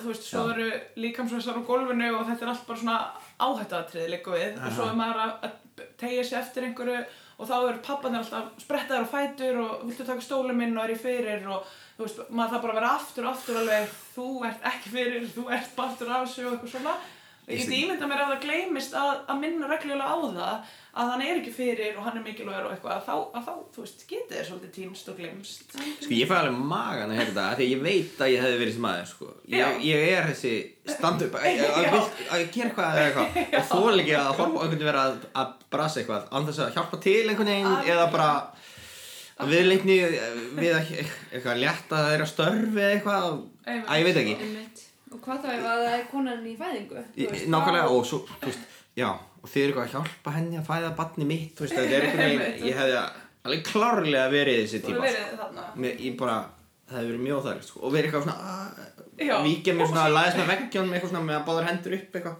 algjörlega, svo er, svo er margt eitthvað með einn framandi inn, á, inn í þessu umhverfu, þú veist eins og hérna monitor sem sagt veist sem er svona skjár sem að blikkar og kemur hljóð og Já. það er Þegar að að vera að mæla fylgjast kannski stöðut með hjartlæti bassins, Já. sko. Já, og það er líka hérstáttur hjá mömmunni og alls konar tölur sko, það er margir pappar sem að hanga á bara mónitorskjánum og alveg bara fylgjast grann með. Það verður svona eitthvað atrið til að einbetta sér að og, og já, fara svona að spá spekular rosa mikið, alveg allan var þetta hérna, 160 og nú er þetta 170 og, og hvað og hvað einhvern veginn og, og svona og mér ást eins og þú veist að segja Tópi að þú hefði verið komin í að hérna, taka tíman mellir hríðana sko og það er svona, það er til dæmis svona dæmum hlutverk sem að margir pappar ganga svolítið í, eru alveg á Já. skeiðklukkunni af því að þeir eru bara að reyna að hérna, finna sér eitthvað, eitthvað verkefni og eitthvað hlutverk og svona sko. Veist, ég var ekkert einn að gera til þess að vita hvernig við ætlum að fara stað. Akkurat, það- þetta er eitthvað svona þáttur sem er nefndur og, og að, hérna, að þá gengum maður inn í hann svolítið. En sko, það vakti, þú veist, það vekur misjafnar tilfinningar hjá fólki að segja að, að okkar fyrsta barn hafi verið heimafæðing.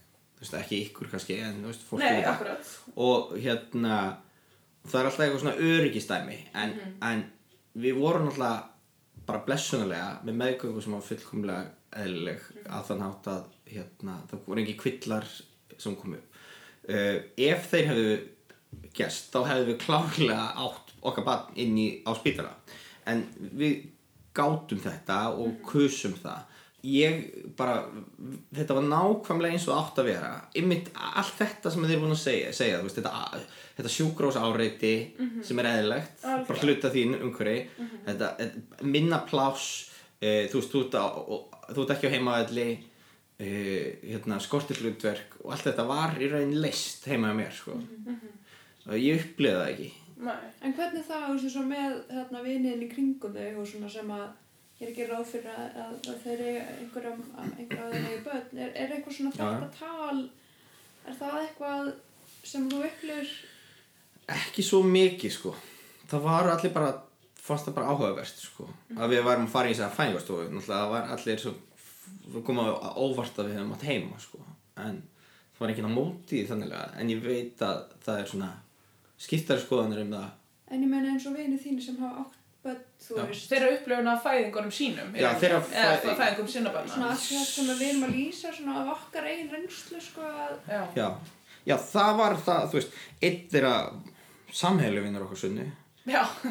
hann hefur nú líst því að hann bara þurfti næstu að kýla í vegga því að hann, hann átt svo erfitt með að horfa á konuna sína í svona miklu sársöka og fannst ljósmæðinir ekki verið að gera neitt Akkurat. eða þú veist, að, hvernig getið þið bara haft, látið hann að þjást svona mikið.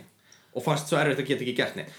Annar veit ég að fó bara átti mjög erfiða fæðingastund sko, þar sem að barni kom í heiminn og, og hérna, þurfti akút aðstóð og, og móðurinn fekk aðstóð en hann stóð eftir einn.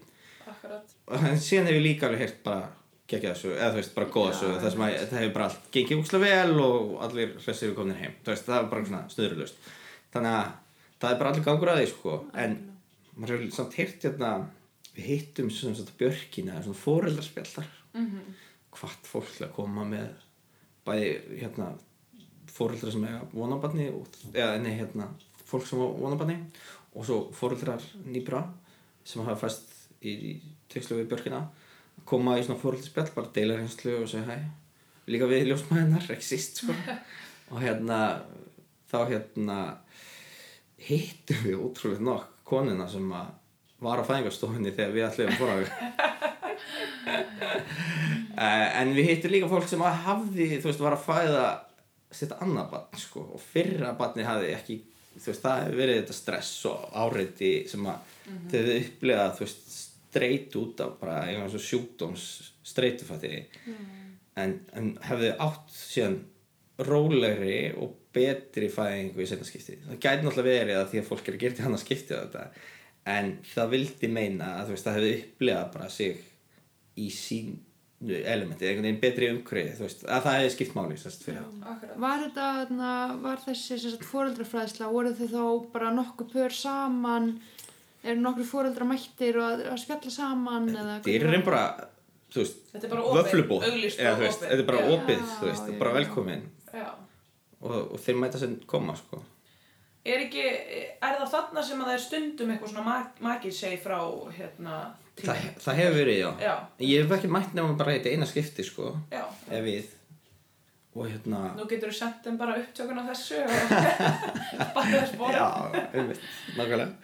Uh, en hérna já, jú, það er eitthvað svona mismundi áhersla. Það hefur verið eitthvað svona heimafæðingar fundur og eitthvað svona Einmitt. eitthvað svona áhersla Það er einmitt að verið svona umræðar í raun og veru um það að, að þyrfti mögulega að hafa tíma í maðuravendinu sem væri bara tilengar sko makanum þá eða sko satt um, Að hérna fara eitthvað eins yfir uh, bara væntingar við Já. þá þekking algenga upplifun og hvernig er gott að undirbúa sig og hvað getur maður gert til að styðja og eitthvað svona við konuna. Mhm.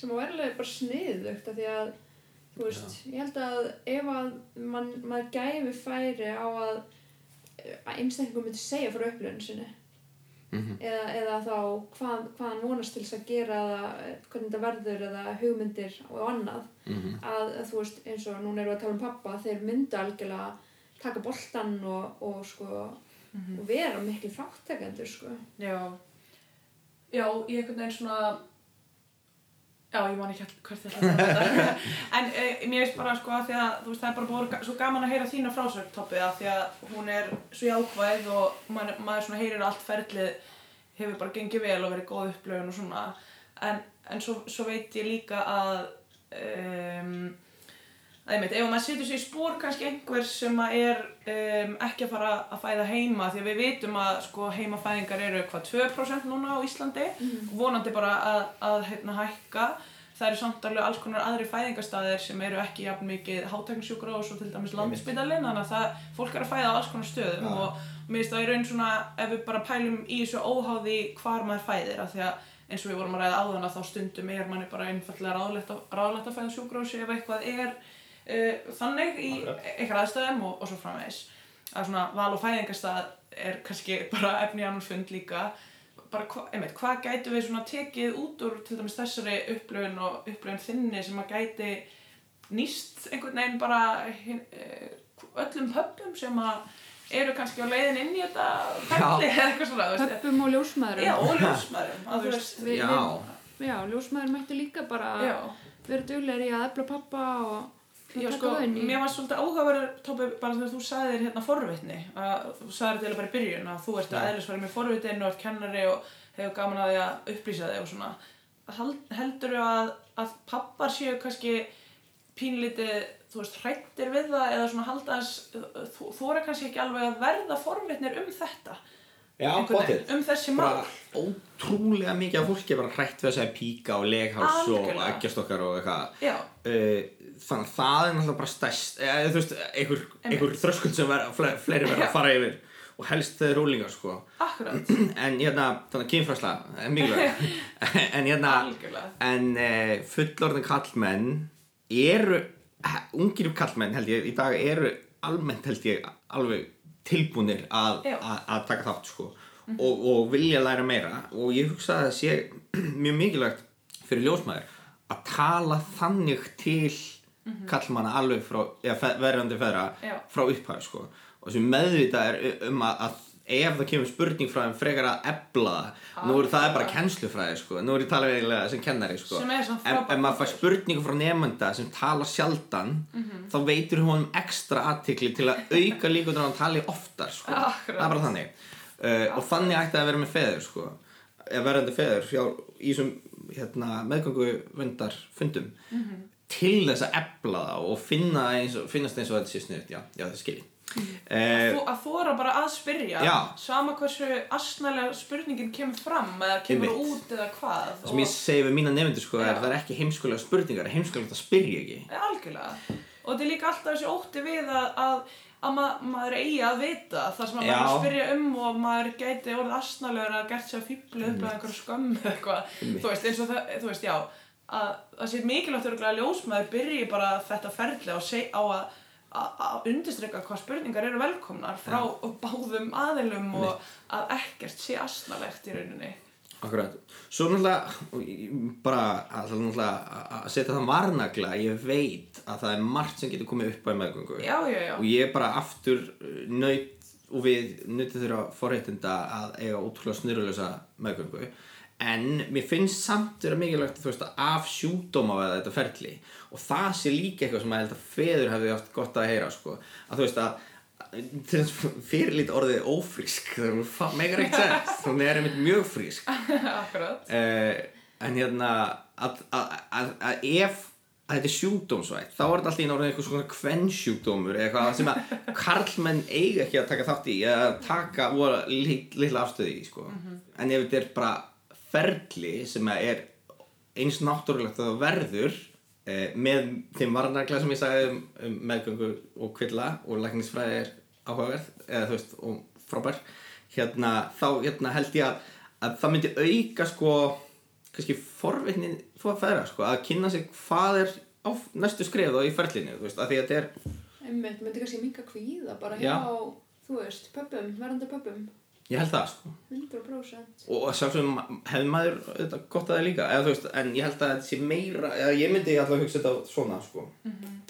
og svo í þriðlagi þá hérna einhvern veginn að auka það eindar að maður að þarna í meðan að færingum stendur sko. það hlýtur að vera það hlýtur eða veist að vera gott að fara námskeið til dæmis Já, og, algjörlega. og þar heyrur til dæmis um eitthvað svona hérna, þú veist, ferlið í, sem fæðingin er síðan þú veist, nú meðgangan búinn, það er ákveðið ferli við erum búin að læra um hvað gerist þar uh, hvað er næst, þú veist, og það er bara þessi, þessi sólhringur eða tveir, þú veist, það sem að er bara ákveðin bomba í gangi en hún er samt stigskipt, sko Nú hefur við heyrt að hérna, eins og svona hópmeðgönguvernd, það hefur eitthvað verið að hérna, rannsaka hvort það virki Ok. og svona pælingar á það og svona og hitt og þetta.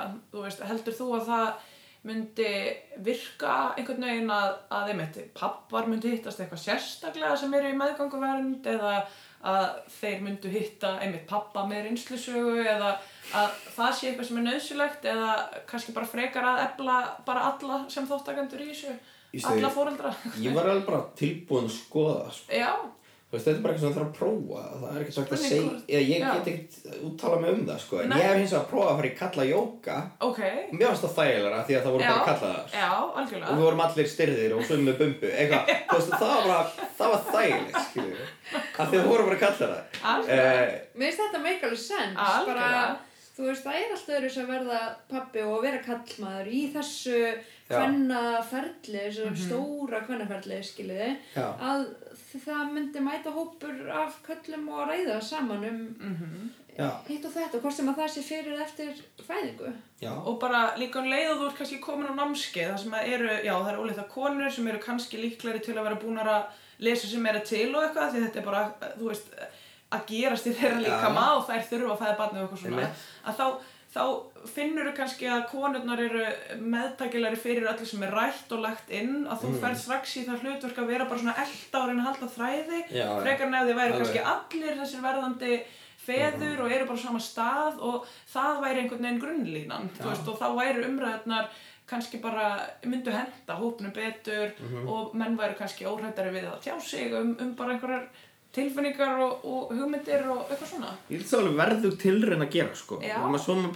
Svona þú veist, við erum ekki það fjölmennt samfélag og það er bara ákveðin prósenta seldi ég sem að væri strax tilbúin í þetta sko. Akkurat sko. þannig að sjá bara, þú veist, maður veit ekki hversu, hversu hérna, hversu stórt það mengi er hverju sinni. Nei, en þetta er alveg bara mjög verðust að prófa. Ég ætla ekki að tala það niður sko. Eh, ef við mitt það er grúpa á Facebook sem heitir Pappatips ok, Já, hvernig er hún? sem að kom mér óvart sko. ég, Ok. og það er alveg drasl þar inni líka en Já, það já. er alveg líka það er, segja að það er hærra hlutfall af einlægum óskum um hjálp og, og, og ráðum heldur en ég hefði ráð, gert ráð fyrir sko. Já, bara allt frá því að spyrja þú veist, um slísavarnir einmitt hvernig að gera eitthvað svona eh, stoppa hérna, stiga eða þú veist, hérna, grind fyrir stiga eða eitthvað. E- upp í það að spyrja um hérna bara ráð vegna þú veist, fósturláts Akkurat, Já, vá. vá.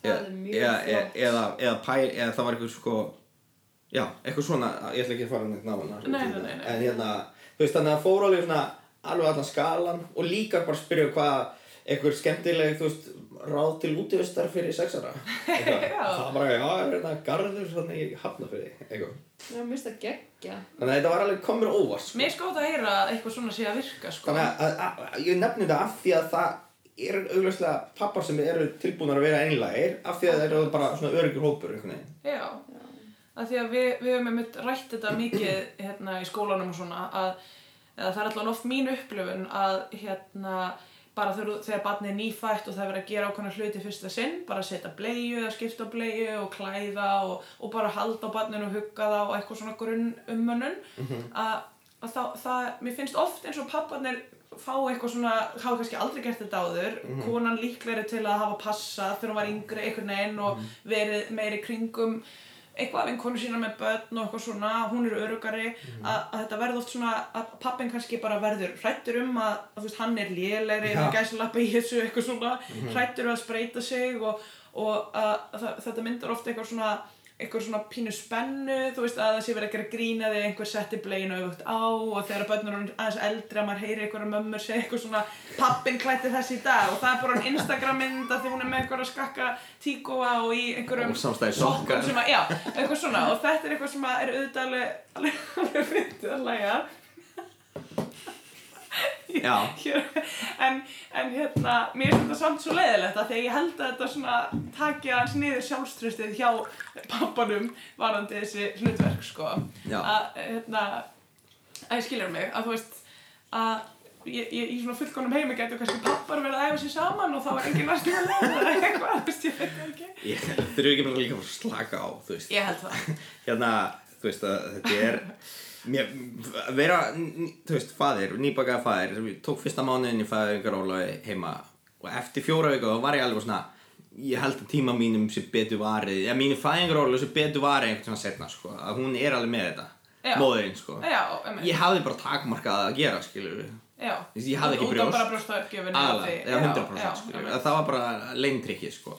Síðan hefur þetta svona smá svona aukist og í dag þú veist er ég í, maðurinn sem er með hann ein, einan sko. akkurat. Og, það er mjög skemmtilegt sko. hann er að taka svo skemmtilegum breytingum og, eða þú veist þróskaskref áfram og eitthvað svona. Já, þannig að það er alveg smá lengi þú veist, sem að móðurinn hefur alveg hérna Algjörlega. bara út af brjóstamjólk þú veist, þannig að það hugga barni eða svona það er ekkert að fara að virka já vel hjá mér. Ég Nei, er bara nei. verri í en ég get séð um ákveðna aðra hluti þú veist, og það er bara held ég best að hugsa um þetta sem þú veist, einhvers konar vél eða eitthvað, bara snú, við verðum bara að snúast saman í hérna okkar hérna litla heimi, þú veist, að við tökum að okkur mismundi verkefni, bara því að við erum misgóðið eða getum syndi betur misvel eða eitthvað. það er kannski líka frelsandi að, að viðurkynna það bara að, Já, á það- sama tíma og við erum að þú veist, pappar eru að efla sig í svo ferli og koma inn sem jafnur umulur að Já. allt þetta, að þá er þetta kannski ákveðin pakki sem að er svona og það er bara þannig Já, bara óstjórnarlegu þáttur í raun og veru. já, Já. Þannig laga, sko. akkurat já, Hérna, það var eitt sem ég tók langaði að hérna segja. kaffna og Já, kaffibóttan sér ég fekk það, eitthvað kaffi, kork, hérna út um allt. Uh, það var eitt sem ég langaði að segja. Hérna, myndlíking, ég, kennarinn í mér, hérna, mér fannst svo gott að hugsa um sko meðgönguna og fæðinguna sem svona úrverk. Þú veit, sem er ógislega mörg mismundi tannhjól. Já. Og þau svona eitt snýr næsta tannhjóli Einmitt. og svo endan hreyfist, þú veist, vísarnir. Og, og hérna, og ef og varandi yngripp sem eru stundum nöðsynlegt þá er ekki alltaf nöðsynlegt að, fara þú veist í eitthvað yngripp af því að það stoppar eða hæ- hægir á einhverjum tannhjólum sem rugglar úrverkið allt dátið sko. þannig að okkar upplifun af fæðingunni var einhvern veginn að þú veist við náðum að láta klukkuna bara ganga þú veist hún var bara náði að vera rétt stilt og, og það var ekki síst af því að en út af því þú veist að, að bara undirbúningi okkar sem pass en ekki síður náttúrulega að móðurinn var óslega vel undirbúin andlega. Svona þá gekk þetta upp sko. Að þú hefur í rauninni trú á hérna mætti hugans í þessu öll saman? Ég ger það sko. Á hugafari og, og hérna Absolutt. Ég meina, umhverfi skiptir máli, en fyrst það skiptir líka máli að takast á við þetta af, sorry, ég fyrir að reyta sko sjálf mig af því að ég fætt ekki barnið og Nei, nei, nei. get ekki gert mér í hugalund hvernig það er, en e, líka minn setur hormónu í stað, adrenalín og oxytocin og fleira sem að hjálpa honum að takast á við ástand sem er ekki normal. Og þess vegna hérna, getur það hjálp eða það hjálpar bókstælega að vera reyna að vera jákvæðari og það bókstælega gerir þetta verra að vera stressaður fyrir því Einmitt. Það komu pappanir svo stertið Já. sko. Já, við hljótum bara að geta komist á að þeirri niðurstöðu að fyrst að þetta er svona mikilvægt að þá hlýtur að vera mjög mikið, þá hljóta bara papparnir, makarnir að hafa svaklega mikil áhrif af því að þeir, þeir stjórna vissulega stemmingu þar sem að tveir eru að takast á eitthvað verkefni þú veist, og þeir geta verið og eru bara svo ómeitanlegir stuðningsæðilar Já. í Klálega. þessu ferli öllu saman og sérstaklega og ekki síður í bara fæðingunni Já. sjálf og, og, og þá, þú veist, ef það er einhver annar stuðningsaðli í fæðingunni, þú veist, að hann sinni Uh, hérna, en ég held að það sé mjög mikilvægt að þessu að konan upplýði sig ekki einan, þú veist, innan um gæsal, innan gæsalapa, þú veist, að það sé ekki fasti með hvort sem það er fjölskyldmeðlumur eða, þú veist, já, eða sýstir eða vinkuna eða, eða, hérna, maki. Algjörlega. Já, ég held bara að það sé hinn bestu loka orð. er það ekki? Jú, stórfi. Ég var ekki búin að ákveða einhver flegi orð, sko. Tobbi, eitthvað að lokum. Nei, ég þú. Þú ert allan að uh, frábær pappi á okkar mati og Takk. Hérna, takk fyrir að segja þessu fallegu sögu. Við erum alltaf að tala um að fallegur og góðar sögur í þessum bransa, þær, þær fá ekki alltaf að, að fljóta og lifa. Nei. Þannig að það er bara búið að vera stórkostlegt að hlusta á ykkar indislegu sögu. Já, takk. Og þú Bara ert gaman að fyrirmynd. fá að rifja hana.